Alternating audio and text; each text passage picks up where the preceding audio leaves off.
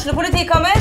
Ine Jansen er purk. Er du purk? The motherfucking bitch. Alt jeg vil, er å finne ut hva som skjedde med mannen min. Jon Carew. Er jeg sikta for noe? Iben Akeli. Det er du. Ole So, Lars Berrum og Big Daddy Karsten. Hvem sin side er du på, egentlig? Anette Hoff, Tone Danielsen, Kommer du fra Afrika? Jørnis Josef, Nesten. Kløfta. Trond Espen Seim, Det er synd å si det, men det var feil mann som døde. Purk. Premiere tirsdag på TV2 Play.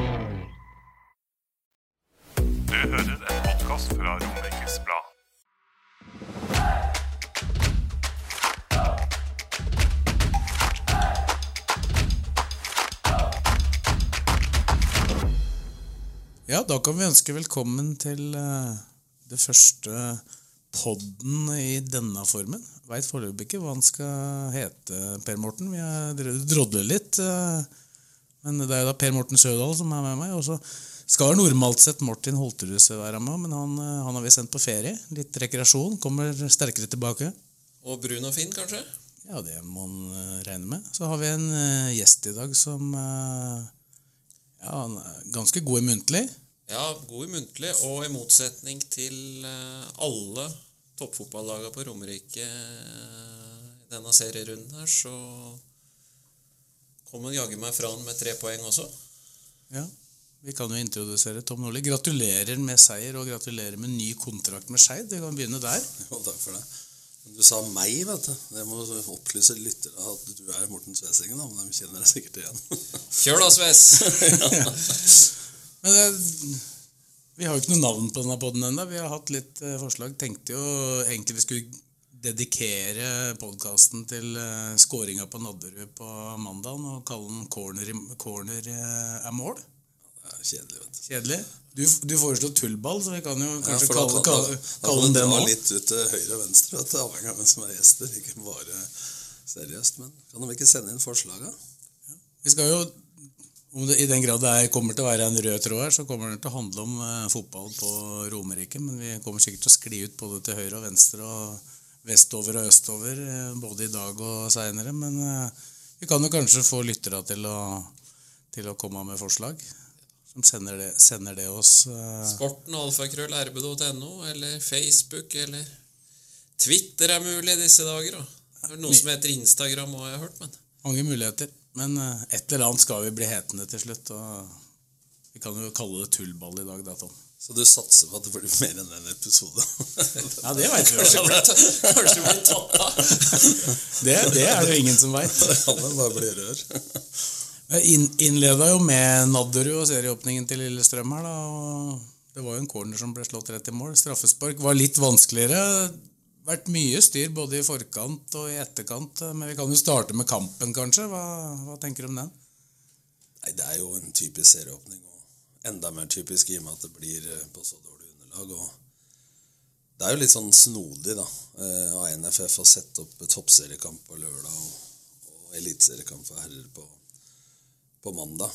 eh, Og begynne på Nadderud, som er kjent for å være god bane om sommeren, men veldig dårlig tidlig. Og det har jo litt med de systemet der, da, for at uh, varmekabla Jeg vet ikke om det har med penger å gjøre, men jeg er blitt fortalt at varmekabla virker bare enten på kunstgresset eller på, uh, på gressbanen.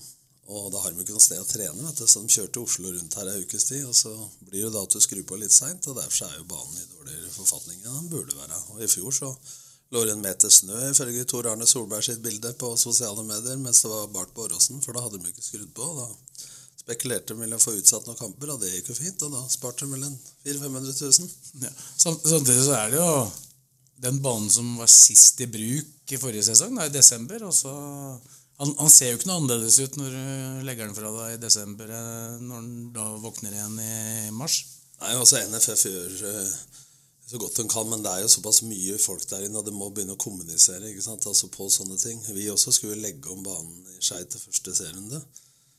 Eh, hvor kravet var til andre serierunde. Men de satte oss opp i første hjemme. Men nå blei det pga. værforhold og at man må bytte varmekabler osv. Og, så videre, og grunnforhold eh, gjort 13. mai, og så blir den klar til høsten. Da. Men eh, det er eh, mange folk, så de må kommunisere over bordet, de som bestemmer i toppserien kontra eliteserien osv. Så videre. Men der, der var det ikke noe problem med veksten, da. Det er kunstgress, da. Det er jo debatten, det òg, da. Det var jo ikke akkurat noe noe pro eh, naturgress, det som skjedde på Nadderud på mandag? Ja, fryktelig. Det, altså, for, for det første, da, det, som Tom sier, det er pre, altså det er jo en prestasjon at de klarer å sette opp første serierunde på Nadderud, som altså, som går for å være den dårligste gressbanen. Altså, altså det er jo én ting da, i seg selv. I tillegg så klarer de da å sette en toppseriekamp to dager før. Og ja, skal vi kalle det gressa? De hadde jo malt det litt grønt, da. det var et malt grønt. Men- Nå så ikke jeg om det var vanna der, men det er klart det virka tørt også. Men uh, oppi det her så kommer jo kritikken, og så baller det på seg. Så kommer den debatten. Og så jeg hørte jo eh, Daniel Pedersen sa vel at uh, heller en dårlig gressbane enn kunstgress. Og skjønner at de sier det fra Danmark, men jeg er ikke vant til dårlig gressbane. Men det er helt uenig. Altså. Og dem går an å sette det på, kunstgresset i første, første serierunde. Og nå var jo seriestarten seinere enn han skal være neste år. For det ble sånn kompromiss igjen. da. Kjøre annethvert år, så blir alle fornøyd. Det blir sjelden bra når du skal ta sånne beslutninger som alle skal være happy med. Da blir det sånn graut midt imellom. Og jeg reagerer jo også på det, vet du, at eh, det var jo stygg den meldinga om Jørgen Lennartson. og Det er mye som kan bli sett, sagt i kampens hete, men eh, Rikard Jansen fyrte jo av en melding om eh, et eller annet stygt ord om eh, Jørgen- Jørgen Lennartson. Et komplett rasshøl. Ja, Jeg vet ikke hva, det, hva er best. Komplett eller ikke komplett? rasshøl? jeg vet ikke, jeg har aldri sett et sånn ukomplett rasshøl, så jeg vet ikke hva det er for noe. Men eh, jeg har hørt om sjarmerende rasshøl, dvs. Si at du er ålreit fyr, men du prøver å vinne kampa og bruke de midlene som er. Men det er vel ikke akkurat det adjektivet som dukker først opp i nøtta når du tenker på Jørgen Lennartson, for å si det sånn. Og Henning Berg var jo mye mer kritisk til banen enn det, enn det Jørgen var, faktisk. Vi prata jo bare med Lennartson, og han, han sa i hvert fall ikke noe som tyda på at han mente at det var eh, disfavør Lillestrøm kontra Stabæk. Det var vel ingen det var det jo ingen som sa. Og kan si, altså, jo, Thomas Lene Olsen sier jo at han mente å skyte det, altså, å skyte det straffesparket midt i målet, så ble det sånn her mellomting litt til venstre, en fryktelig dårlig straffe, liksom. Altså, Men var banen bra nok på corneren, da? eller? For ja, da- det, ja, ikke sant? Der var tydeligvis eh, festet til stam på foten mye bedre. Han ville også, også overhodet ikke skylde på banen for det straffesparket. Men det Altså Det i hvert fall som blei synlig som du kan ta banen for, det var jo at den var veldig mjuk. Og Og det har en veldig stor del av den fryktelige skaden til han uh, Matthews. Det er jeg enig i, men samtidig da, så Banen er som han er, og Jørgen Lennarsson sa at eh, du har forberedt deg på noe annet i tre måneder. Hvis du veit at du skal åpne på Nadderud, så hadde jeg også forberedt meg på litt annet. Fordi at eh, eh, du kan må spille ballen i lufta. Eh, Men samtidig ikke så lett, da, for det, hvor, hvor skal du spille henne? Nei, altså, du kan jo ikke så trene på underlaget, Morten. Det er ikke det jeg sier. Men du, du kan jo trene på kampbildet, da. Uansett underlag. Det går jo an å si at nå skal vi spille på Nadderud, så frem du trener hele skvalen.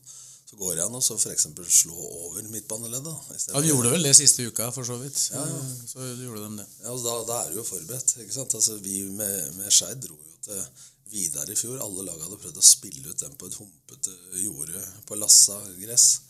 Eller tuer. Eh, og, og driti på draget. Og vi jeg husker Hassan Yusuf hos oss. da, Han var så lei seg han fikk tredje gule skulle stå over. Så sa jeg bare slapp av, Hassan. Du er en liten teknisk så du kan ikke spille mot Vidar likevel.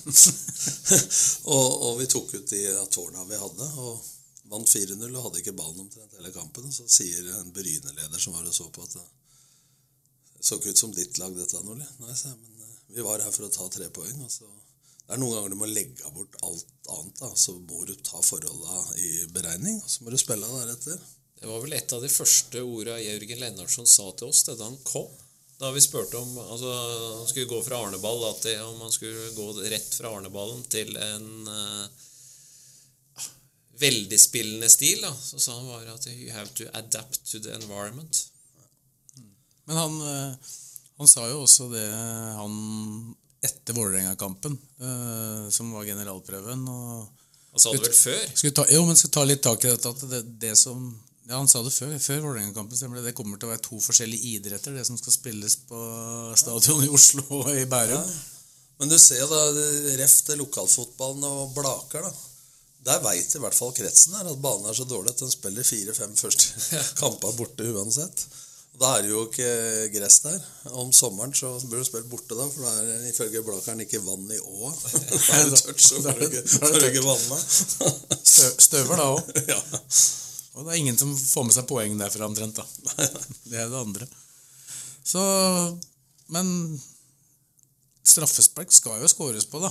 Det hadde jo blitt 2-1, og kanskje RB-tipset hadde gått inn, for en gangs skyld. Ja, og det forholdet er som det er, og jeg tror vel Thomas Lene hadde fått lov til å ta ti traff- straffespark til selv på Nadderud, så tror jeg at eh, Stanfoden hadde sittet. Og det er vel noe av det dårligste straffesparket jeg har sett sånn, både hvor han blir plassert gjennom hardhet og, og høyde og alt. Men cornera, de var fantastiske, da. Ja, og så kan du si da at eh, hvor var han fra Stabæk som skulle ta sonen på første stolpe? Men det var, var jo flere av de andre straffecornerne hans også som var, var farlige der. Det var et par som vel hadde gått inn uten at noen hadde vært i veien der. Jeg husker vi, vi var jo på den treninga da det her eh, starta. Han skulle trene på defensiv dødball i forkant av Vålerenga-kampen, og Thomas Lene Olsen sto og banka dødballer der. Og så nevnte jeg vel så vidt for Enarsson etter treninga at eh, det er jo kanskje det jeg har fått ut av denne treninga, at det der slegga til Lene Olsen kanskje kan brukes. Ja, mange Ja, faen, det er noe vi må vurdere, sa han. Ja, så er, apropos Blakeren, møttes i går, så sa han hvordan kan Lene Olsen slå corner? Det er jo bare å skru tilbake til EM i 16, da, hvor Harry Kane slo corner for, for England. Dårlig sådan, men eh, jeg vet ikke, Thomas Lene Olsen har vel ikke bøtta inn mål på corner inn i feltet sjøl heller, og hvis du har den foten der, så Det går jo ofte mer på fart og vilje å komme i de romma du skal, er vel viktigere enn en størrelse. på Ja, og var- da. Ja, så, ja, det var det jeg skulle fram til. Så det er hvordan du slår den, er jo hater å bruke ordet serv. For det, når du server i noe, du, skal du, da skal du serve så bra at de ikke får tak i ballen. Men, Det er en annen idrett. Ja, når du skal serve, så skal du gjøre det til medspiller, og da bør det helst være bra. Men han har, ifølge han sjøl, da og jeg prøvde å sjekke litt, men han har like mange på mål etter corner i år som han hadde i fjor. Allerede. Ja. Han, hadde, han sier han hadde én Det var mot hjemme, mot- hjemme mot Godset. Ja, så man er bare i feltet? Ja. ja. Men han eh, sa han ikke til deg i fjor, eh, ganske tidlig i sesongen, at han var verdens dårligste huespiller? da? Ja, han sa ver, jeg vet ikke om han sa verdens eller om han sa Norges. Kampen etter så, kampen etter så putta han, putta han med huet. Jeg tror det var nesa han traff, men eh, det ble i hvert fall mål borte mot Haugesund. Nei, så Det viktigste er at ballen går i mål, da. Så når du har en sånn fot, så har du funnet en til, å- til å slå. Så får du spørre om det er han som skal ta straffa neste gang. Det er vel i utgangspunktet Smarason, så lenge han er på banen, vil jeg tro. Men han er jo ikke klar ennå. Men det viktigste er jo altså, Tre poeng hadde vært uhyre viktig eh, mot Stabæk, men eh, jeg ser jo Lennartson prøver å bygge opp at det er viktigst å, få med seg noe. Men det er klart, når du har straffespark eh, i annen omgang, så, så er det surt også ikke dra, dra hjem med tre. Men det kan jo for så vidt også vippe begge veier på tilfeldigheter på sånne forhold som var. Ja, men altså Når du tar ledelsen 1-0 i første omgang, siste spille, ordinære spilleminutt, og ikke klarer å holde det til pause Ja, så Arne Det er jo Ball, grunn til å gremme seg òg, da. Arne Ball sier jo 'mål følger mål', men det er jo det å Jeg tror vel at jeg er en av få trenere som aldri jubler. Når du scorer, må være på overtid i så fall. Da, for jeg er helt så fokusert på neste situasjon. For at det, det er ingen tvil om at eh, bli ferdig med begeistringa oppe i netta. og Så skru på. Det ser jeg i helga. Altså når vi scorer mot HamKam, så er det største sjansen HamKam har, er på angrepet, påfølgende angrep. For da skal de hevne seg, og så er du begeistra oppi huet ditt. Så det, er- det, Det hjelper ikke at du skriker heller alltid på det, antagelig. Nei, men altså Det er jo spillere Noen hører jo etter, og noen er jo gullfisk. Alt har nytt hvert eh, sekund. Så det er klart at eh, Etter min opplevelse med Sandnesurf i 2014 mot Start borte, hvor du leder 3-1 på overtid, av overtida, og de får en corner og scorer, og du har avspark da på overtid av overtida, så sier jeg til Roger Eskeland, som var keepertrener nå må vi få dem til å slå ballen ned til cornerflagget. Så sier han vi kan jo ikke coache avspark i tippeligaen, som det heter. De spiller avsparket bakover. Stopperen tryner. Ballen spretter. Lars Jørgen Salvesen på halsbretten i krysset. 3-3. Sandnes-Rykane. Hva sa du til Roger Eskeland da? Jeg sa du kan aldri undervurdere spillerne nok. Det tror, jeg du, det tror jeg du ikke sa. Jeg tror du hadde noe Hvis du skulle sagt det du sa da, så tror jeg at du måtte ha mye Jeg sa faktisk ingenting. Jeg bare dro ei lyseblå lue ned foran øya. da ble du apatisk. Det er, sånn, det er sånn du tror det ikke selv om du har sett det. Nei, det er mer en X-følelse. Men det med mål etter mål det, Altså Ullkisa, eller Strømmen Ullkisa, samme. Ullkisa trøkk, skaper ikke, skaper ikke mye sjanser. Så plutselig så scorer de da på ei keepertabbe. Så er de, så er de i himmelen og altså jubler omtrent som de har rykka altså opp. Det var, det var jo helt vilt bortpå der. Og så går Så er det avspark og et par pasninger, og så blåser dommeren igjen, gitt. Og da blåser han for straffespark til Strømmen. Men en kuriositet der. Det er jo mørkt. vet du. Nå hadde vi en dommer. da. Nå sitter dommer Sødal ved siden av meg. Men du hadde en dommer her som eh, ikke viste ut nest Ostra-spilleren etter å ha fått to gule. Lokal, han dommeren som ikke gjorde det. Ja vel, jeg visste ikke. Bodding fra Haga. Ja. Og så kommer det da Viktor Grodås for rødt kort i treningskamp.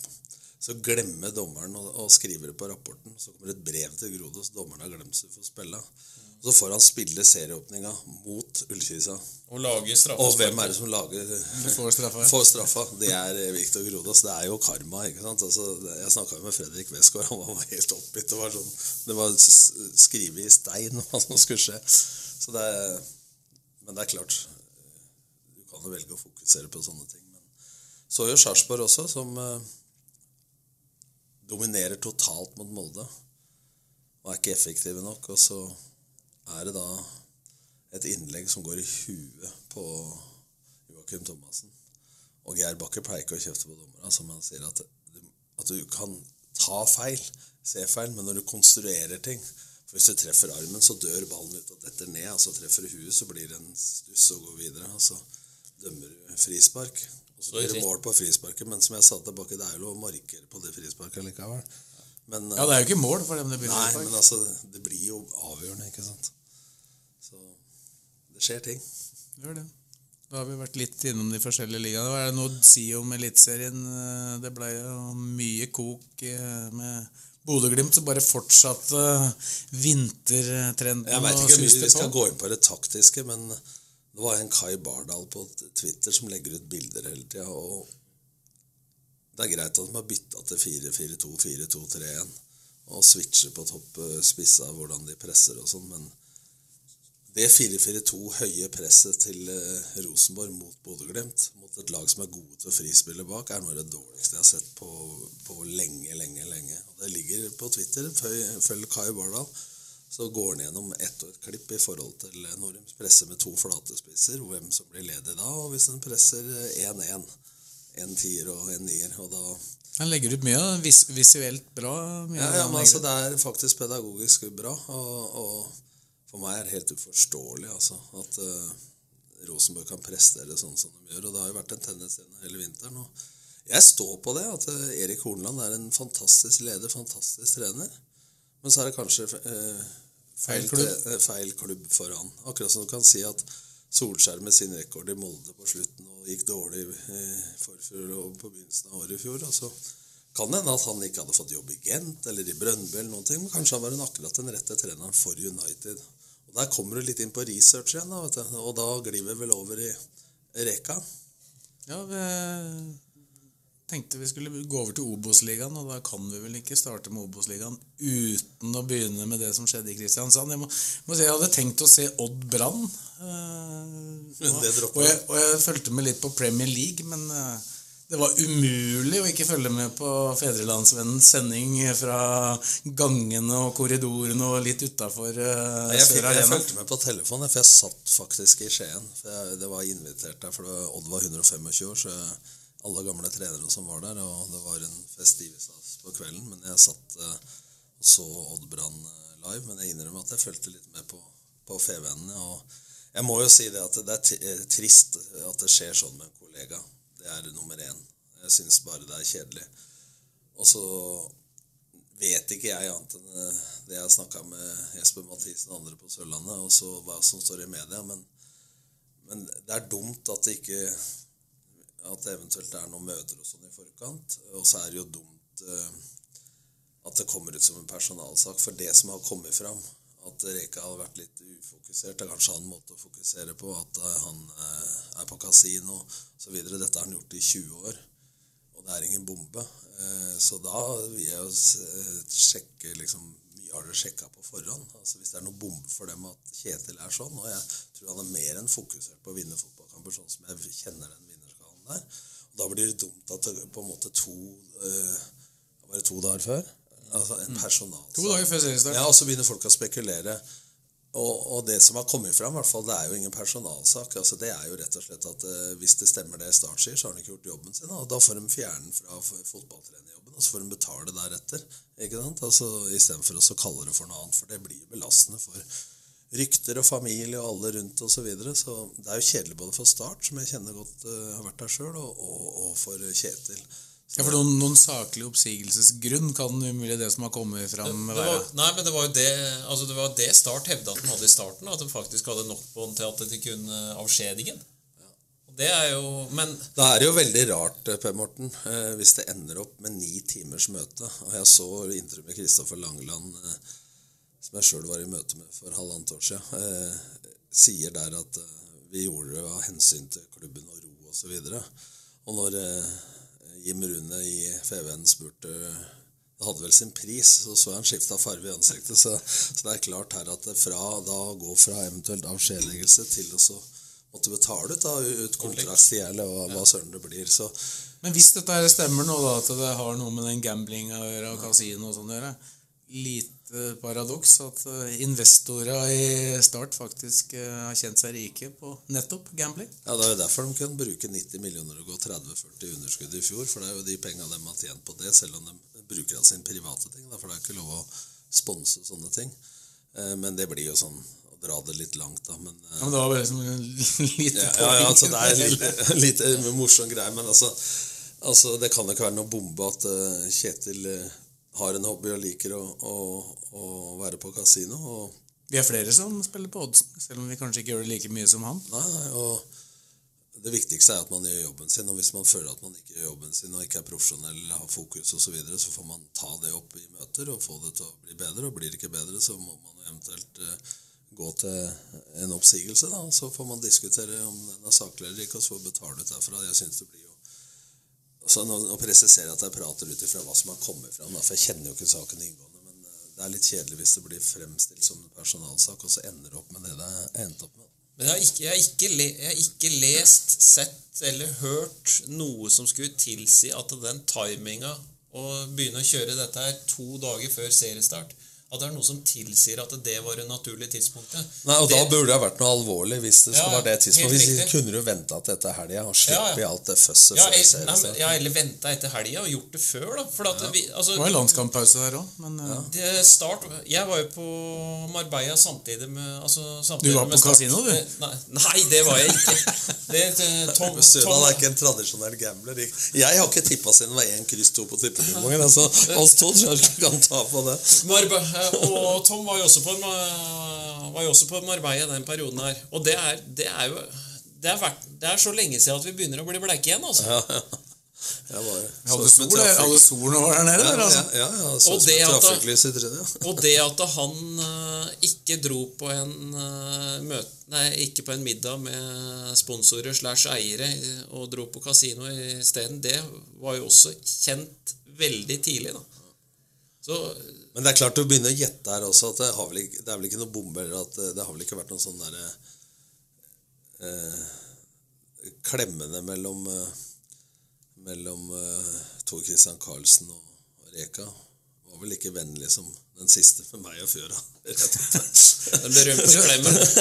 For å si det sånn, det var vel eh, Hvis vi skal tenke det som ble, eller si det som ble tenkt på forhånd, så tenkte vel i begge de tilfellene at dette her kommer ikke til å gå bra, og det har jo kanskje vist seg at det ikke gjorde det heller. Verken med Fjøra og deg eller Karlsen og men det gikk bra, så det var mange som prøvde å stille meg og Fjøra opp mot hverandre, men eh, akkurat den siste klemmen var ikke så, så nice. Men, eh, men ellers så gikk det stort sett bra. Men, eh, men det har jo vært ting der. altså Det er jo selvsagt ting som ikke kommer fram. Altså, altså, men men man, jeg blir litt sånn irritert også hvis det eh, Hvis det stemmer det som kommer, at det støtteapparatet sender en hel A4-side, to A4-sider med klager på Reka, hva slags miljø er det da, hvis ikke de i støtteapparatet under den kan ta det med Kjetil? Det kan jo godt hende de har gjort det, men nå sitter jeg og gjetter litt utenfra. Altså, det er litt viktig på Sørlandet at det, det er viktigere å vinne enn å ha det hyggelig.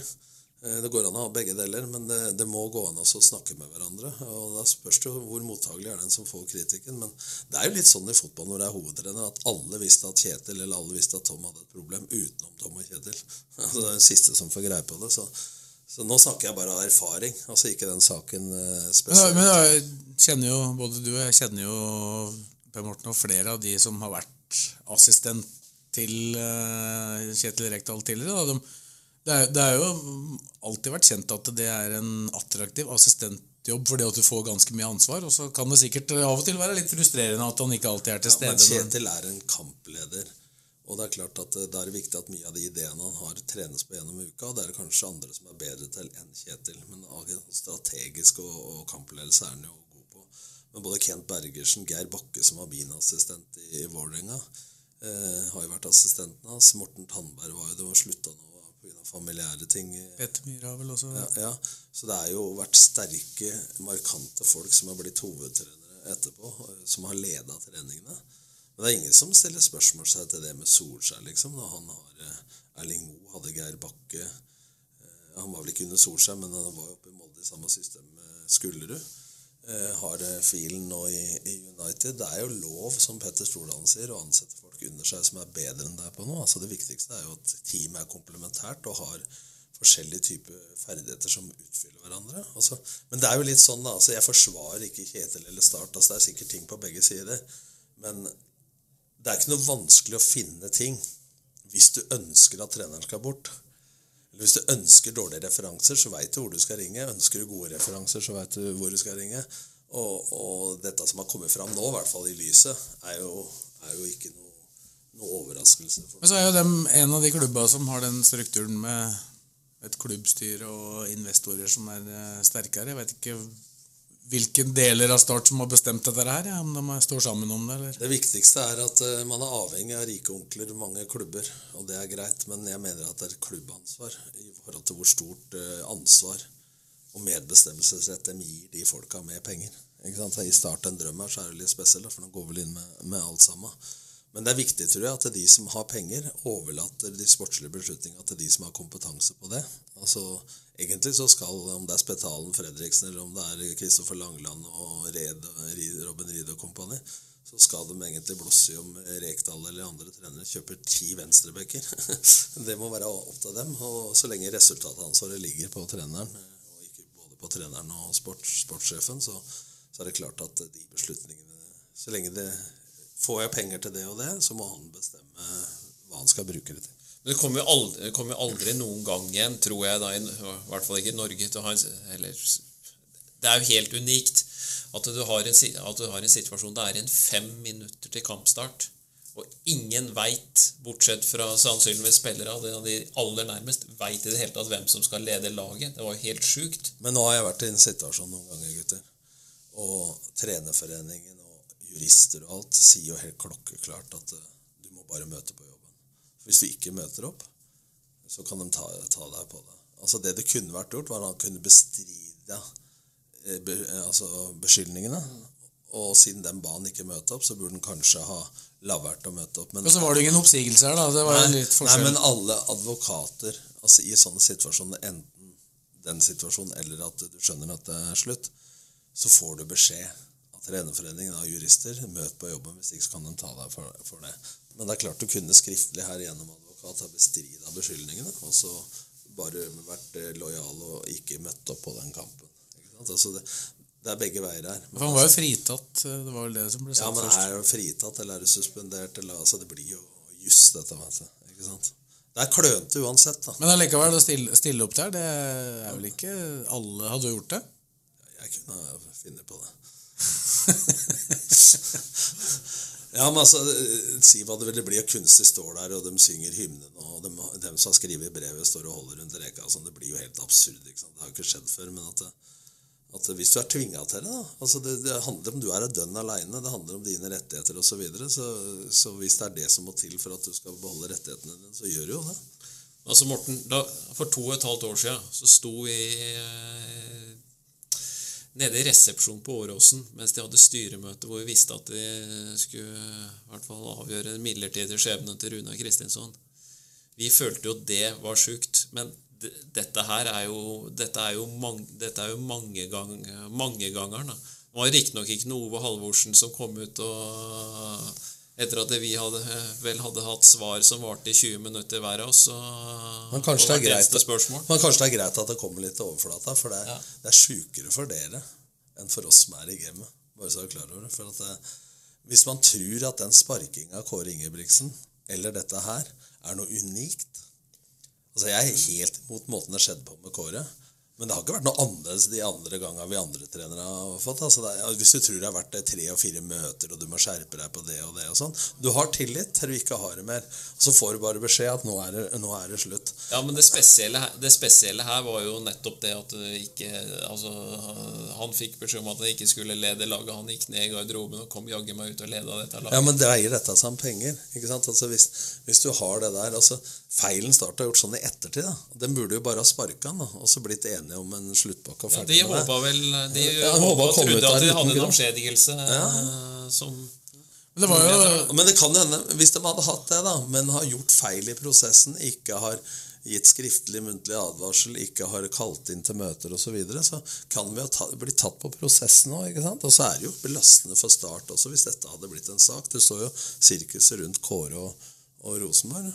Så sier jo trenerforeningen at Kåre og, og Kjetil dem, liksom, dette er viktig for alle trenere i Norge og sånn.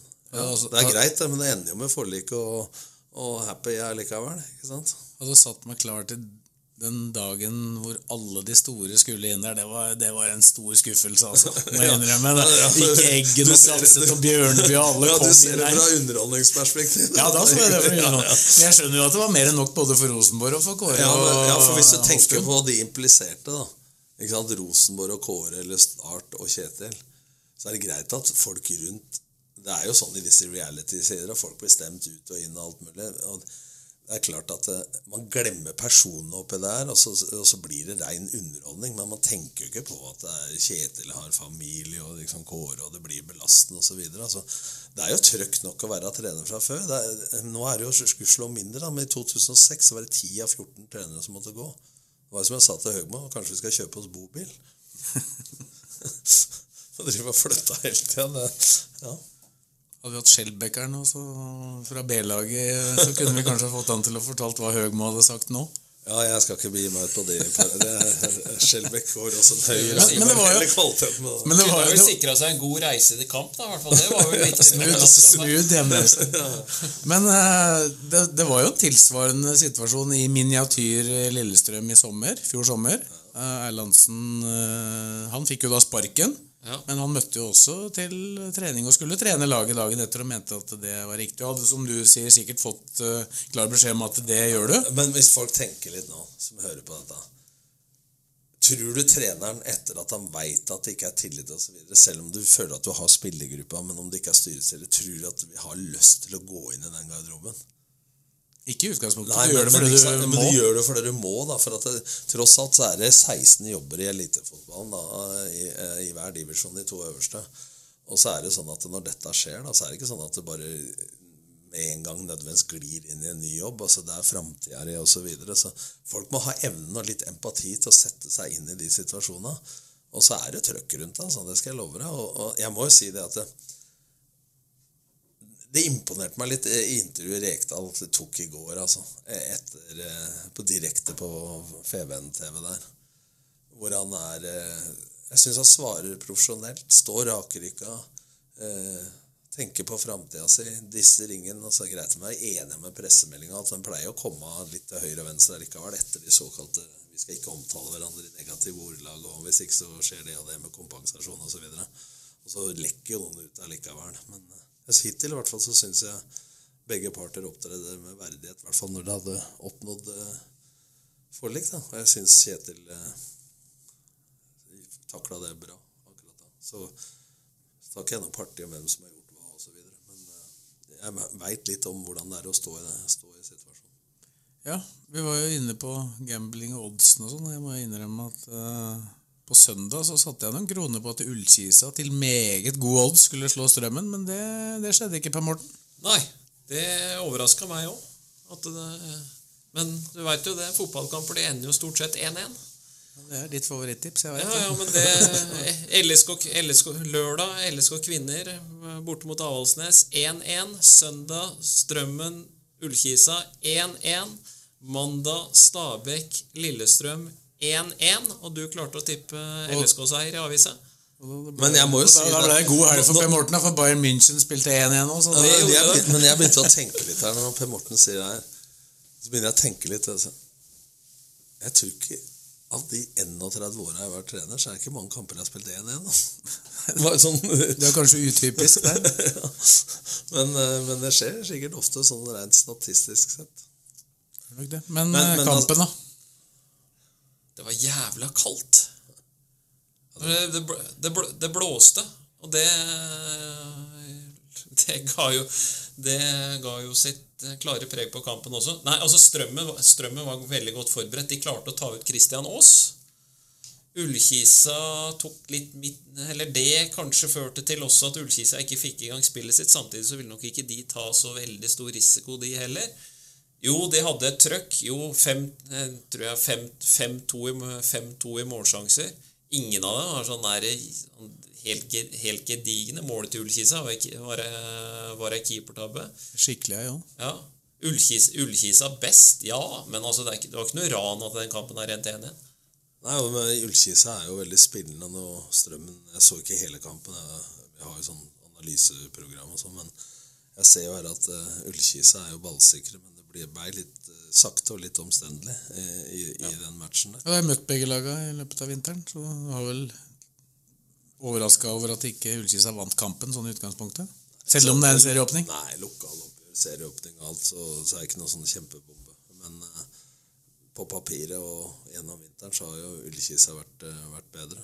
Vi spilte uavgjort mot Kisa og slo Strømmen, men det er treningskamper. Da. folk bytter mye, og det er, det er vanskelig å, å si noe om, eh, prioriteringene der. Men det er jo ingen tvil om at sammen med oss og de andre nyopprykka, Notodden og Tromsdalen og, og sånn, så er vel eh, Strømmen i det sjiktet som kanskje med Jerv, som er de seks nederste. Og så har du sånn midtsjikte Sandnes Ulf, Kongsvinger, HamKam eh, og du har Kisa osv. som Nessotra, som helt sikkert vil kjempe om plass eh, fem og seks. Og så er det vel de fire store, da. Som, men det skjer jo alltid en overraskelser eh, ene og andre veien. Det er jo liksom sånn det alle spår, at det er sånn tre bolker. Men når det er åtte poeng i fjor fra kvalik opp av Nessotra til eh, å greie seg på 35, og det var 43 opp, eh, kvalik opp, og det var fire lag var det vel på 42, så det er en grunn til at det blir kalt for Kokosligaen. Men det er ikke like ille som det var da når det var fire som Nei, gikk ned. men eh, du kjemper om et eller annet uansett, og du ser i fjor så tok Strømmen og HamKam ved siden av de to lagene som rykka opp, Mjøndalen og Viking, flest poeng på de 13 siste Ja, kampene. helt riktig. Strømmen var vel egentlig et kvaliklag, dem med prestasjonene sine på høsten. Sånn, hvis de hadde hatt det gjennom hele året. Ja, men, men du Det var jo to forskjellige lag, da. laga heller, da. var to forskjellige lag. Men eh, altså, det, altså med Kokosligaen Jeg husker Fanken var det Det er noen år siden. 2015, kanskje. Siste serierunden. Jeg tror Strømmen starta den runden. De var, de var nummer 11 altså de, Jeg tror de var nummer 9. Ja, Hun møtte Kristiansund hjemme, Ja, som da var klar for kvalik. Ja. Og så gikk alle resultata imot i starten. Så, Det var, det var sånn at de kunne havne på nedrykk hvis Ja. fire De var kamper nede slo ved gærent. pause, i hvert fall. nei, Nei, nei, det var det ikke. etter ti minutter. Ti, Ti ja, minutter ut i kampen hadde alt slått inn som kunne gå gærent. Så skåra Strømmen ett mål, så det gikk opp til 1-0. Da gikk de da fra nedrykksplass til å bli nummer åtte, som da er på øvre halvdel. Helt sjukt. Det var jo da den samme runden som Fredrikstad berga seg på det, det er målet til han uh, kameraten nede i, nede Jerv. Men det er litt morsomt dette her, da. Det er litt morsomt dette her, fordi jeg har vært med i denne Obos og Adecco-ligaen, hva den har hett opp gjennom åra. Uh, og så var det sånn med Kongsvinger et år, at vi fikk kvalik, da. Da var det kjempeprestasjoner ifølge styre og formann. Året etterpå så ble kvalikordninga fjerna. Og så lå det én plass bedre, men da var den kjempemisfornøyd med sesongen. For da var de nummer fem. Men, men når de bare ga kvalik for sjette, da var alle fornøyd. Så det er liksom det, det Reglementet avgjør om, om styret er fornøyd eller ikke. Det er det, Men Ullkisa i fjor òg, da. Jo, femteplass. Kjempebra. Hipp hurra. Ett poeng over tiendeplassen. Sandnes Ulf. Ja. Som var den siste av de der 42, 42, ja, poenglagene. Så her gjelder det også å vippe jevne kamper i sin favør. Ja, og da kan du jo si at jo sånn som eh, altså, Jo, LSK føler kanskje at de burde vunnet og eh, vunnet kampen på Nadderud, men altså, poenget kan bli gull verdt. Samtidig så kan de to poengene miste også, hvor det jævla Men samtidig så jeg holder med Svegården i VG, altså. Eh, Mediene, og vi må slutte Altså når det blir tema i diverse fotballsendinger om gullkandidater og medaljesjanser etter én serierunde, da må vi ta oss ei bolle og slappe av litt. Jeg Altså. hørte det var noen som prata om på søn eh, mandag formiddag allerede at tabellen hadde satt seg. Da hadde ikke engang Stabæk og Lillestrøm spilt. Nei, dette er, eh, Så det er litt tidlig. Si som Mari Marit Breivik. Hvor lever vi nå, jenta? men det er, det er jo sånn at eh, resultat er etter at konkurransen er over. Alt før det er en stilling. Men eh, kvinnene de starta litt tidligere i år. Ellers LSK kvinner har vært ute i det store utlandet og møtt selveste Barcelona, både hjemme og borte. og Ikke fått noen sånn drømmestart, i hvert fall ikke prestasjonsmessig, på toppseriesesongen. Nei, det syns jeg ikke. Men det, dette er mentalt, gutta. Altså, alt Det er det største som skjer i år, var jo de to altså, kampene. Alt i mediene, altså Nyttårsaften og julaften har vært før Mm. seriespillet begynner. Altså Alt har dreid seg om Barcelona. Eh, trent i desember, trent hardere, all oppladning. Og det er klart at når de går på ræva ut da, eh, så skal det Det er mulig. Det er vanskelig, men det er mulig. Eh, Men det skal litt til da at du er på tå hev mentalt og, og, og klar altså, til det. Og det har jo resultatene. altså Resultatet ble bra til slutt, da, men hvis du tenker Kolbotn ligger under 3-1 der, eh, vinner 4-3, og du spiller uavgjort mot Avaldsnes så Ja, det, det har ikke vært eh, noen forrykende åpning sånn sett. Og det tror jeg har litt med det å gjøre. Men samtidig, det er jo ting de har vært veldig gode til tidligere. da. De har jo prestert bra rundt Champions League-kampene. Altså Bare senest i fjor høst. De presterte jo bra rundt eh, spesielt den første bolken, da, men når de møtte den der eh, Svesta Perm. Brønn, rundt Brønnby så var det jo litt Ja, men når på året var de kampene? Ja, senere på året. Ja, ikke sant? Altså det, de skal liksom De har det blir i sånn, altså, De skal liksom prestere da, før sesongen. Så jeg vil jo tippe uansett at formen til Lillestrøm, uansett om det har vært Champions League eller ikke, eh, er bedre utover i sesongen enn det er eh, før man har begynt. Du har vel sagt en gang at eh, det er gratis å trene, og det gjentok fotballpresidenten når det gjaldt eh, kvinnefotballen her for et par år siden. Men der stemmer det jo ikke. Det er jo ikke sant. Det er jo sant i herrefotballen hvor ja. folk er kjøpt fri. Det er ikke gratis å trene på Skeid heller. Altså. Nei, da nå tenkte jeg på øverste nivå. Jeg leser at LSK kvinner har to proffdager i uka. Da er de på heltid. Vi har to proffdager i uka. Da begynner vi halv fire istedenfor halv fem. Men når du har rørleggere da, som kommer på trening kvart over fire og har små barn i tillegg, så bare det å begynne halv fire for oss at de får se ungene sine og, og spise middag liksom hjemme, det er en måte å beholde spillere på. Så du må snike profesjonalisere dette. Men jeg tror ikke dem Helt ærlig. Mange fotballøkter har Lillesund sitt eh, herrelag og damelag i uka. Fem? Det er litt forskjell på dem i de Ikke, over- ikke fotballøkter. er De har aldri over fem fotballøkter. Nei. Mange økter har Skeid. Fem. Akkurat likt. Det det er mer tid til, er restitusjon og analyse og andre ting. Antall fotballtreninger er stort sett likt eh, uansett. Om de jobber som rørlegger eller er siviløkonomer, eller om de studerer på B eller hva, så, så er det jo sånn at så er det den hviledelen. Altså, Vi spiller jo i Obos-ligaen med Skeid med 6,5 millioner budsjett. Det er lavere enn LSK kvinner. og Vi har ikke noen proffdager osv. Og, og vi konkurrerer med Start, som er 90 millioner, og så 50-60 på Ålesund og De konkurrerer jo, med, konkurrerer jo med store klubber ute som ser ut Hvor stort var det apparatet til City når de var her i forrige sesong? Var det 20-30 stykker? Men er det, Ja, er, men, ja, men er det altså Mange var i apparatet til Høgmo. Er det synonymt bestandig hvor svært apparatet Nei, men Det sier noe om hvor mye ressurser de legger i det det. er jeg helt enig i, men jeg er enig at jentene Nå har de fått med Obo, som har fått med Hegge Jørgensen i Serieforeningen for- for kvinner gjort kjempejobb og fått inn helt andre ressurser, og det begynner å komme seg i vilkårene for jentene, og det er fortjent. Samtidig, hvis det hver gang det presteres dårlig, blir forklart med ja, men se hvor lite vi har til restitusjon i forhold til Barcelona, så er jeg redd for at du må jobbe inn mot forbund og økonomi og marked alt for å få til de tinga.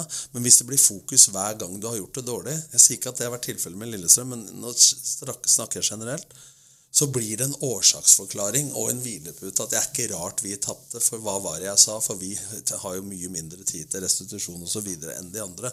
Det må ikke bli en årsaksforklaring. Man må trykke mot de instansene man skal for å få bedre vilkår. Og så må man akseptere at sånn er det her og nå, og så må man gjøre det beste ut av Du snakka med Lennarsson, hva han sa? Ikke sant? Altså, ta hensyn til alle forhold. Ja. Eh, Og det er du nødt til. Altså. Så, det, så det ikke blir en årsaksforklaring og en sutring rundt det. Så må de rette folka trykke på der. Og så må de som spiller fotball, konsentrere seg om det de får gjort noe med. Og de får gjort noe med når de trener. Og de får ikke gjort noe med at de ikke får trent. Så, samtidig, de har jo gjort, har gjort det bra, da. Kommet til kvartfinale. kvartfinale. Det er klart de konkurrerer jo Når de kommer dit, så konkurrerer de jo med Det har jo blitt Ja, ganske og- bra Men hvordan ble satsing rundt omkring. forventningene satt? De var jo sjeleglade for å ikke treff, eh, trekke Lyon, Wolfsburg og Paris Saint-Germain. Så trekker, trekker du Barcelona, og så er det kanskje Oppdager nå at eh, kvaliteten på dem er kanskje ikke noe spesielt dårligere enn en de andre. Så det ble jo kanskje litt urealistisk å si at dette er et lag Selvsagt må du si det, men var det egentlig et lag man realistisk kunne ha forventning med at man skulle slå ut? Hadde nok ikke slått dem ut uansett når på året de hadde møtt dem, men det var jo kanskje på det verste tidspunktet i året at de møtte dem, da. Men, men det også, da. Vi snakker om å spille hele året, og vi har snø i Norge. Det er meldt 15 cm i morgen. Ikke sant? Altså, men vi får jo ikke gjort noe med altså, Jeg husker Harald sa vi skulle ha serierunde før den landskampen. I mars alltid. Så var det én eller to spillere som spilte i Norge. Resten spilte i utlandet. Så det, det kan fort, jeg sier bare setter det på spissen, kan bli en årsaksforklaring. Ja, men det er ikke rart vi taper, for det spiller jo i mars. Altså, Kampen går i mars, og da må du gjøre alt du kan, og det har Lillestrøm gjort. De har jo, Hege og de har tatt masse hensyn til forberedelsene eh, i desember og trent helt annerledes enn de ville gjort hvis ikke kampen kom. Men rammebetingelsene deres er jo helt annerledes, da. Ja, helt enig. Men, men får, ikke- de har gjort det beste ut ifra det, og jeg syns at de har gjort det bra. Gått til kvartfinalen og kommer sikkert til å vinne serien i år også. Og, men for meg så har det vært urealistisk at de skulle Altså Sjansen for å slå ut Barcelona, uansett som du sier når på året, var liten. Og hvis vi hadde dratt over til herrefotball, og hvis et norsk lag hadde vært i kvartfinalen i Champions League eh, der, så hadde det vel ikke akkurat Det- snakka om. Det har, det har jo skjedd én gang, men det prater vi ikke så mye om. Ja, men det hadde stått så han måtte bare Men det var en litt, litt, litt, litt annen verden. Ja, men altså, da hadde det stått mer enn uh, ei side i RB, tror jeg. eh, på, på, Det, det, det gjorde, det, gjorde ja, det nå, da. Men det var et eksempel. da. Media generelt hadde jo tatt av fullstendig hvis det hadde vært et herrelag som hadde vært i kvartfinalen i Champions League. Det er klart. Det spørs jo hvordan det har gått med Solskjær i United på det tidspunktet. Det er ikke sikkert det hadde blitt så mye allikevel. Det, det, Sa Liverpool-fan. da egentlig LSK hadde deres, altså det største budsjettet de har hatt, da, det var på drøyt 12, eller LSK kvinner, det største budsjettet de har hatt på drøyt 12 millioner, det var jo det året de ikke kom til kvarten for, fordi at de røyk mot regjerende mester eh, Frankfurt. Åttendelsfinalen på straffekonk etter å vinne 2-0 borte i returkampen. Ta, Sherida Spitze brant, brant vel bl.a. straffe eh, i både ordinær tid og i straffekonken. Men da sa Per Berg til meg at da trodde han at det drøyt 15 millioner et budsjett på 15 millioner kunne være nok til å vinne Champions League. Det var akkurat i det bruddstykket hvor disse store klubba begynte begynte å satse. Nå har du ikke sjans. Ja, men Se hva som har skjedd. da. Hvis du ser noen store lønningene til, som jeg jobba med Ada Hegerberg og sånn, jeg aldri visste hva han hadde tjent. men jeg tror hun kom til Lyon første gang, så hadde jeg sikkert en 600 000 000 lønn, som var bra på kvinnesida. Nå leste jeg i går at du hadde 3,9 millioner, altså fire år etterpå. Altså, det har jo skjedd noe men Ja, samtidig så har jo LSK kvinner definitivt nærma seg da, på den satsinga de har gjort over eh, mange år her nå. Ja, for de har kunnet nærme, de har kunnet nærme seg på alt det som er, gra, altså det, det som er gratis. Da. De, har, de har jo brukt den tida de har, som de kan trene, den har de sannsynligvis brukt jævla bra. Dette kan jeg sammenligne Per Morten, med Skeid, egentlig. Altså, vi rykka opp i fjor med 3,5 millioner i budsjett. Nå har vi 6,5 millioner Ja. i budsjett i Obos. Vi er i ferd med nå å nå et maksnivå av hva som er mulig Yes. innafor de rammene. Så den støtter jeg fullt ut. Det jeg mener er at det er noen som må jobbe mot bedre vilkår, og så må de som driver med sport, ø, konsentrere seg 100 om det. Og det gjør Lillestrøm, og det har Hegane vært veldig flinke til. Men sånn, nå snakker jeg om fotballen generelt. Det er lett å tenke at ja, hadde vi hatt det, så hadde det vært bedre. Mange tror også at for en ny stadion at det, så blir det bedre. Jeg har ennå ikke sett et lag som blir bedre på pasningsspill for når setene blir nye, for, det, er for eh, tanta di som skal på kamp. Altså, det blir feil fokus, da. Det er det, er det jeg snakker om. Kanskje du får, råd til, råd til råd, eh, Eller med det nye stadionet gir deg råd til spillere som er litt bedre til å spille de pasningene. Ja, det er jeg helt enig i. Men altså, de som er der, dem blir ikke noe annerledes. Så bare vi får det, så blir det bra. Og så glemmer de liksom mens den stadion blir bygd. Da. Så, så jeg syns Lillestrøm eh, kvinner skal ha all ros for hva de har oppnådd. Og så må de bare stå på videre både på og utafor banen få bedre vilkår. Så klarer de fortsatt å få gode spillere fra andre norske konkurrenter. Sånn at det, det går vel bra med seriegull i år òg, sannsynligvis? eller? Ja, men hvis du ser sånn på det, da, så må det være en drøm for spillere i andre klubber i Norge å kunne komme til Lillestrøm. For det- kommer du fra Kolbotn eller Klepp eller hvor som helst, da, uten å si noe vondt om dem, så er jo det å komme til Lillestrøm et like stort steg for dem opp i profesjonalitet som å komme fra LSK til Lyon, vil jeg tro. Det blir, så, altså, det blir et springbrett ut i kaller det profffotballen. Ja. Se på Syrstad Det er ikke lenge hun har vært i LSK før hun er i Wolfsburg. Og Guro Reiten kunne vel vært ute hvis hun hadde villet, hun òg. Og det kan jo fort skje i sommer, kanskje. Det vet vi ikke. Men uh, bevege oss i, over til herrefotball igjen, men litt lavere. Vi har jo snakka litt om tabelltips og sånn. og vi etter to runder i fjerdedivisjon Tredjedivisjon er jo ikke i gang ennå. Men etter to runder i fjerdedivisjon så har vi fått tyn allerede. da. To ganger av Per Einar Gjelsvik. Sørumsand har vunnet to kamper. Vi har tippa dem på 13.-plass. Så jeg vet ikke, Det kommer til å bli en føljetong hele sesongen. Hadde jeg vært Gjelsvik da, så hadde jeg holdt kjeft til sesongen var over. Ja, det, det, det, første jeg, det første jeg tenkte på, det var eh, 2001. Vet ikke om du husker det? Tromsø var tippa langt ned av mange. Vant først på Alfheim. Fulgte opp med å vinne på Nadderud i andre serierunde. Og ba om å bli tatt på alvor. Og det blei dem. Ja. For de røyka ned. Ja. Men eh, ja, det var det jeg mente. Da. Så jeg tror liksom sånn Man vil jo gjerne ha oppmerksomhet rundt laget. Men jeg tenker motsatt. Når folk tipper eh, oss på sjette, sjuende, åttendeplass, og han ved siden her tipper oss på åttende, så, så syns jo jeg Det har litt med at Morten Berre har lang erfaring, og, og alle tror vi kan bli et overraskelseslag. Og så kjenner jeg media så godt at eh, hvis du har noen profiler da, rundt laget eller på trenerbenken og alt, så tipper de deg høyt. Og hvis ikke det lykkes i forhold til tips dems, så tar de treneren. så, så, så, sånn er Det det. var jo bare for å legge litt press på deg. Da. ja. du skulle jo tippa deg enda høyere. ja, ja, det jeg fikk melding om. Men, Du slo vel et lag vi hadde foran dere på tabellen? Eller Ja, var ja, det gjorde du. ja, men jeg sier jo til Per til Gjelsvik, da, så sier jeg det lønner seg å lede til slutt. Ja, det gjør det. Hilsen Frank Beck. Møtte vel Strømmen 3, da, første kampen. Det var ikke mange, var ikke mange med erfaring fra høyt nivå som var med i den kampen. det må jeg bare si. Hvis du spiller i fjerdedivisjon på femte nivå, og jeg syns det er en herlig liga, det er sosialt å gå på kamp, det er masse profiler, det er Gjelsvik, det er Blakeren, det er Karl André Hovde, og det er eh, Bjarmann i Rælingen og osv., og, det er eh, Kim Brenna og kompani oppe i Fuvo og Ørjan Hopen og alt. Det er herlig, men det er femte, femte nivå. Og når en ber om å bli tatt på alvor I forhold til nivå, og i forhold til medieoppmerksomheten de får i RB og ellers, så blir de atskillig mer tatt på alvor enn Henrik Kristiansen, som har medalje i store mesterskap i svømming. Så jeg tror de fotballfolka på femte nivå skal roe seg helt ned, for de er mer enn nok lokaltasjoner i forhold til oppmerksomhet fra før. Amen! Hold fred, sier jeg da. Det er Altså. nok riktig, det. Ja. Her er det nok lokalkjendiser som er, det er greid å bli småkjendiser altså, gjennom å prestere på femte nivå i fotball. Det i seg sjøl er til ettertanke. Nå har det Det blitt, er det er en som har fått, fikk egen TV-serie òg. Ja, Blakeren, ja. det har blitt spissa litt. altså Det er litt færre lag oppover i systemet. Altså. Ja, men da- du har pressa på en måte mange av de lagene som var Men dette, høyere opp dette før. minner meg om i gamle dager når jeg trente Løvenstad i 1989. Da gikk alle kampa klokka seks eller sju på fredag. Det var Lillestrøm Fram, det var Hakadal, det var Søndre Ørland, og det var eh, Fjellhamar, og det var eh, Løvenstad osv. Det var sju-åtte lag rundt her. Og alle var på nattklubbukken Bruse i Strømmen etterpå og diskuterte, fotball. Og det var 300-400 tilskuere på kampa, og det sto om det i RB. Og det var sosialt. Men vær så snill.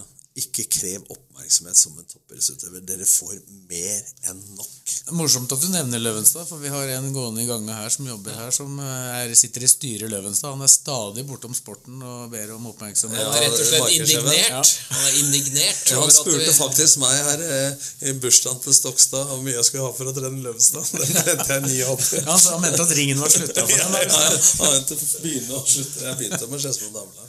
Så, så han var ivrig i dag, gitt.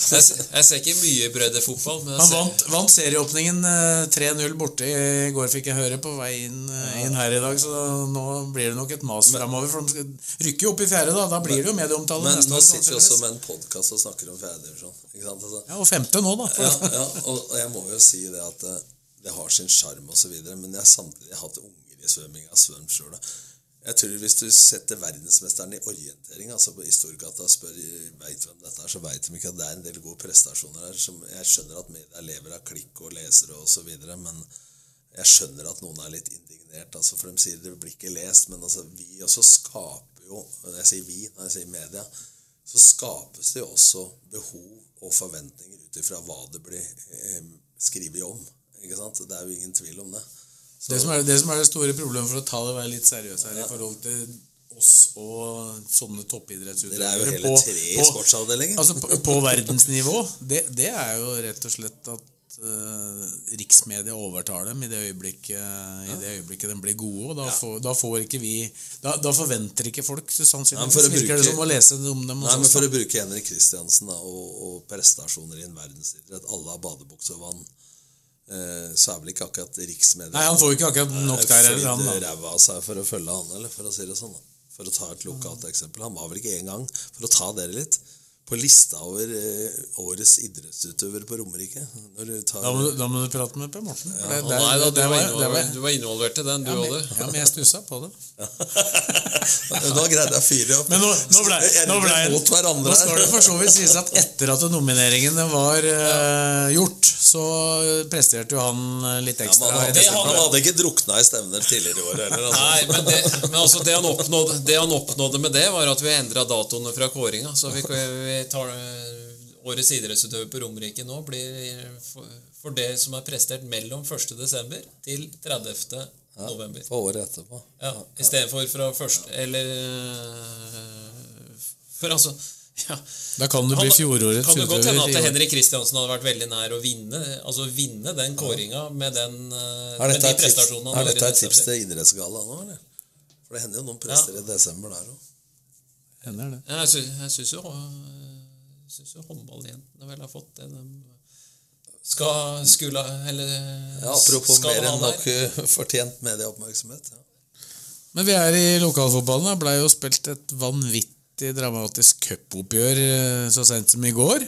Jeg skal hilse fra Rydje. Prata med på telefonen før her. Ja, Vi, vi, pra, vi prata med han her om dagen, vi òg, på vei inn til uh, Nadderud. For han skal være med i Studio Åråsen på, på søndag. Og da prata vi egentlig om, uh, om Premier League-innspurten, og så plutselig begynte han å dra inn Aurskog Høland Kløfta der. og Da, da skjønte vi ingenting. Da måtte vi legge på. Men i går var det Aurskog Høland Gjelleråsen. Ja. Fjerde mot trea. Og det var jo ett rødt kort til hvert lag i ordinær Et tid. straffe til hvert. og- Ja, så bomma jo tolv minutter før slutt eller noe sånt, så bomma vel Aurskog Høland på straffe. ja, riktig. Og Kjetil mente de var best, men ikke i ekstraomganga. Nei, og Men da ble det straffe, straffekonken. Den eh, varte og 37 rakk, da. Det varte varte i tre, varte i tre timer, den kampen. Ja. 23 minutter med straffer. Ja, ja det må, må Ja, det, minst ha vært. For det var, det, er- det, 23 minutter tok straffekonken. det var 35 Nei, ikke 35, 34 straffer var det vel, da. Og det, rekorden, rekorden det sjek, sjekka opp her, eller det sjekka vår reporter på matchen i går, Simon Kolstad Clausen. Det er fra Guinness rekordbok. Eh, Rekorden er 48, så den ble ikke slått. Men det var noe sykt. Og det var, det var da i 2005 i Namibian, Namibian Cup i Men for å- afrikanske for å spole til- Alice og Tsivis. Ja, men For å spole litt til Åråsen, det var vel en, det var ikke så mange, men eh, det var jo så alle hadde tatt på Åråsen mellom Vålerenga og, og Lillestrøm. Ja, det ble 20 straffer. ja, og så eh, Da var det jo sånn at det var én utvist. Ja, her var, I går var det vel to, da. Ja, men da var, da, 22 straffer. ja, men da var jo Reka Og han skal ha det, altså. Såpass oppegående på reglementet at når sistemann i elveren skulle ta straffe, Erik Hagen, så gikk Kjetil Rekdal fram og, og, og tok sin andre. Og det var lov, det ble full kalabalik, for han sa det er bedre I skåre enn at du bommer, sa han Erik Hagen. Husker du, husker du forresten hvem som ble utvist? Nei, Det gjør jeg. Og det regna jeg med. jeg er ikke i nerdeligaen deres, gutter. Gu- Gunnar Halle. Gunnar Halle. Det var det. Og det var, det var da Jeg jeg, syns det var bra at jeg huska den situasjonen, så ble jeg bare tråkka ned her. Noe annet kult som skjedde på den kampen der, da, for å mimre litt, det var jo heller kult, det var jo ikke. Det var jo potensielt farlig. Ja, Rekdal, Rekdal hadde jo en rolle til før kampen, og han der. Ja, ja, reine fredsmegler, for uh, husker, husker ikke fornavnet Han er fra Rælingen. Vi kalte han bare for Bakke. Billettbakke. Billettbakke. Han kjøpte x antall 130 billetter. på Kanarifeltet På Kanarifeltet som Vålerenga-supporter. Og det blei litt dramatisk før kampen der. Men, eh, men før i tida Nå skal jeg spole enda lenger. Gjøken, Hans Jørgen Stordal, spilte på LSK et år. I kunstgressko i en gjørmekamp på øh, høsten på Åråsen. Og han har på peishylla si, nå tror jeg han bor i Sverige, eh, dagens Kanarifugl ennå. Men det han ikke har sagt til noen, var at den gangen var det én rad som ble plukka ut på sittedriven til Kåredagens kåre dagens Kanarifugl. Og den var full av Vålerenga-folk. Og dem, dem stemte jo på han, for han var banens dårligste. Så for dem var det dagens beste Lillesund-spiller, For han skulle frimerke på Vidar Davidsen, og han var ikke i nærheten av det engang. Det blir jo som Arild Myklebust sa til meg når vi vant cupfinalen med Lillestrøm, og vi var på Martin, så sa han dette er din nest beste prestasjon nå, liksom. Ja, hva er det beste, så er det bedre å ta sølv med start. Det beste du har gjort, sånn er rykke ned med Vålerenga. Sa Myklebust. Han mente det sikkert. da. Ja, ja, i fullt alvor. Det var ikke noe smil der, altså. Det var ja. Men, vi, vi, Men har du vært med på noen straffekonker av betydning, du? Ja, øh, jeg har vært med på et par stykker i cupen og sånn, men da har det liksom blitt avgjort på fem eller, fem eller seks straffer. Men vi, vi var vel egentlig på lokalfotballen, men det sklei litt ut her. Ja, det var, straffekonken var jo der. ja.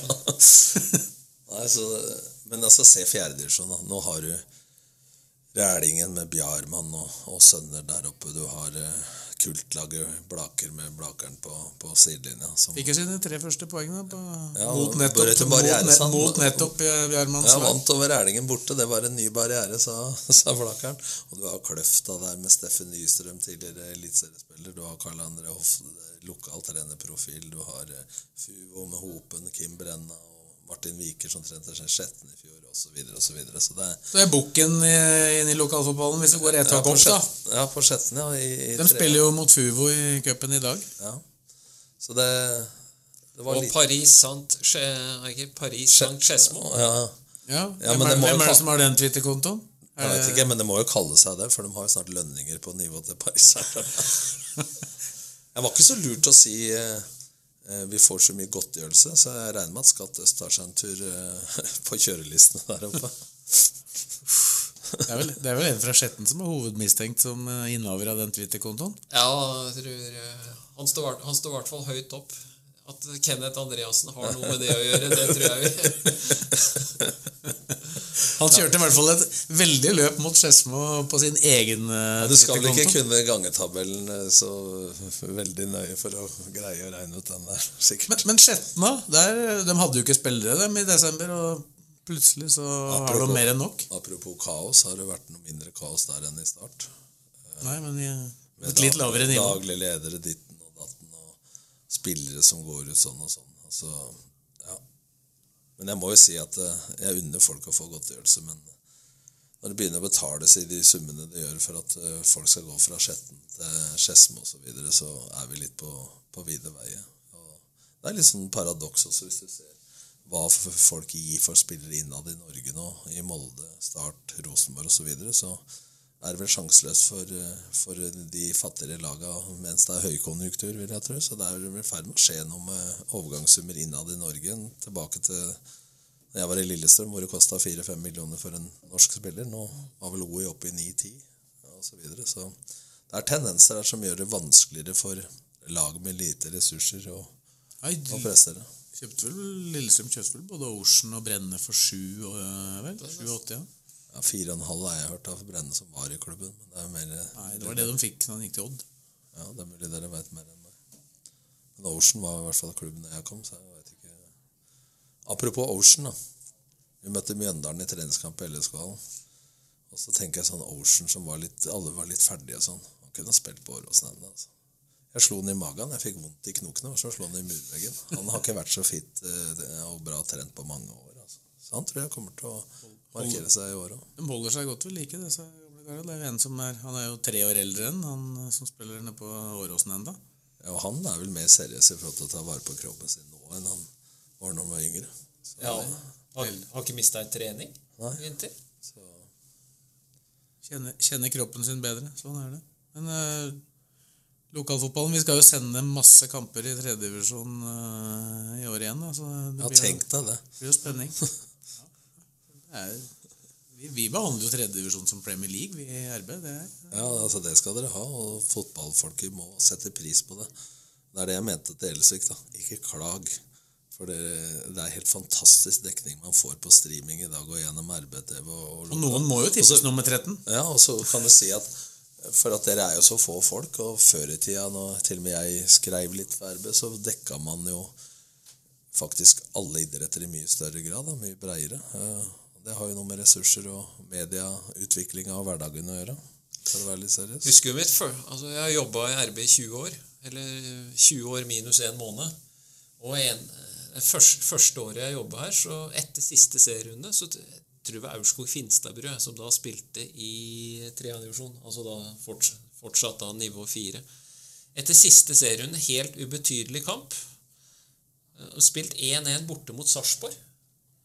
Og da ville, de, da, ville, da, ville de ikke, da ville de ikke prate med oss fordi at vi ikke hadde vært i Sarpsborg og dekket kampen. De var fire. Men uh, things they are changing. Hva er det Blakkaren ville sagt? Geitoster.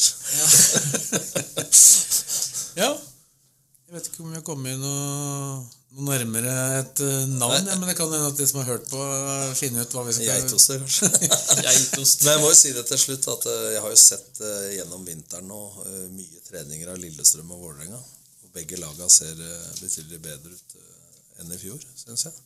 Et håp om at det oppgjøret kan bli hett. Det var jo i hvert fall målmessig et uh, veldig godt oppgjør. uh, For fotballfaglig var det jævlig dårlig forsvar. var det veldig merkelig. Ja, men eh, jeg tror det blir spennende å se. Men jeg syns Lillestrøm har fått inn noen betydelige forsterkninger i Salkvist. Og det var kantspilleren Gustavsson under par i nå, men Og Dyer blir vel, bør vel bli bedre i beinflytting, og han er vel ikke fysisk fit så mye som de andre ennå. Så det blir spennende å se. Det er kanskje, det er kanskje ikke noe, noe hyggelig å få debuten sin for ny klubb eh, akkurat på, på det jordet. Ja, man håper jo at man skal slippe det der kjaset og maset med nedrykksstrid igjen. Da. Men det er tøft, og det er ikke noe automatikk at du blir atskillig bedre fra januar til 31. mars. Men Ranheim jeg syns nå det til har helga, sett- da. Jeg syns det har sett bedre ut. øh, Jeg syns treningsinnhold og, og hvordan de jobber Jeg har sett såpass mye at jeg har sett Vålerenga også. Jeg syns at det ser bedre ut. Eh, Og for de som hører på her, så er det vel viktigst at det ser bedre ut for Lillestrøm enn dem. Ja, det kan jo hende. Men eh, når jeg først er inne på Lillestrøm, da. De sju første kampene Lillestrøm spiller denne sesongen, får vi håpe for lagets del at det ikke går som det gikk i fjor, i tilsvarende oppgjør. Og det har du allerede Har de jo tatt ett poeng mer enn i fjor, da. Pluss allerede. Pluss i forhold til tre. Da tok ett poeng mot Molde, ett mot Haugesund og ett mot Her Rosenborg. og nå skal jeg da vedde en lunsj med dere på at de får flere i år. Jeg vedder ikke, jeg vedder ikke imot. Jeg tror de, jeg tror de har flere enn jeg tror de har flere enn tre poeng allerede, allerede i åttetida. Så hvis jeg får Per, rett, så per, per Morten har allerede inngått et veddemål som han kommer til å tape. Han, så det, er det? Ja, det er tysk fotball. ja. Men, men og, Han, om ikke, han, jeg vedda at, vedde at Dortmund vinner, og da har jo han selvfølgelig antimana og, ja. mot det. Det blir jo vinn-vinn uansett. Men Det altså, er den enkleste tusenlappen jeg har tjent i hele mitt liv, og det veddemålet ble inngått da Borussia Dortmund leda, serie, leda Bundesliga med ni poeng. Så vedda jeg eh, med deg en tusenlapp på at jeg vedda Og på hvem leder- Bayern det er fordi, ja, men det er fordi at du gladelig gir bort 1000 for, for opplevelsen at eh, Borussia vinner. Så du er Ja, nødt til å vinne. ja, altså selvfølgelig altså, altså, Men her vedder vi lunsj, vi tre. Og- og men hvem, hvem, hvem leder serien nå?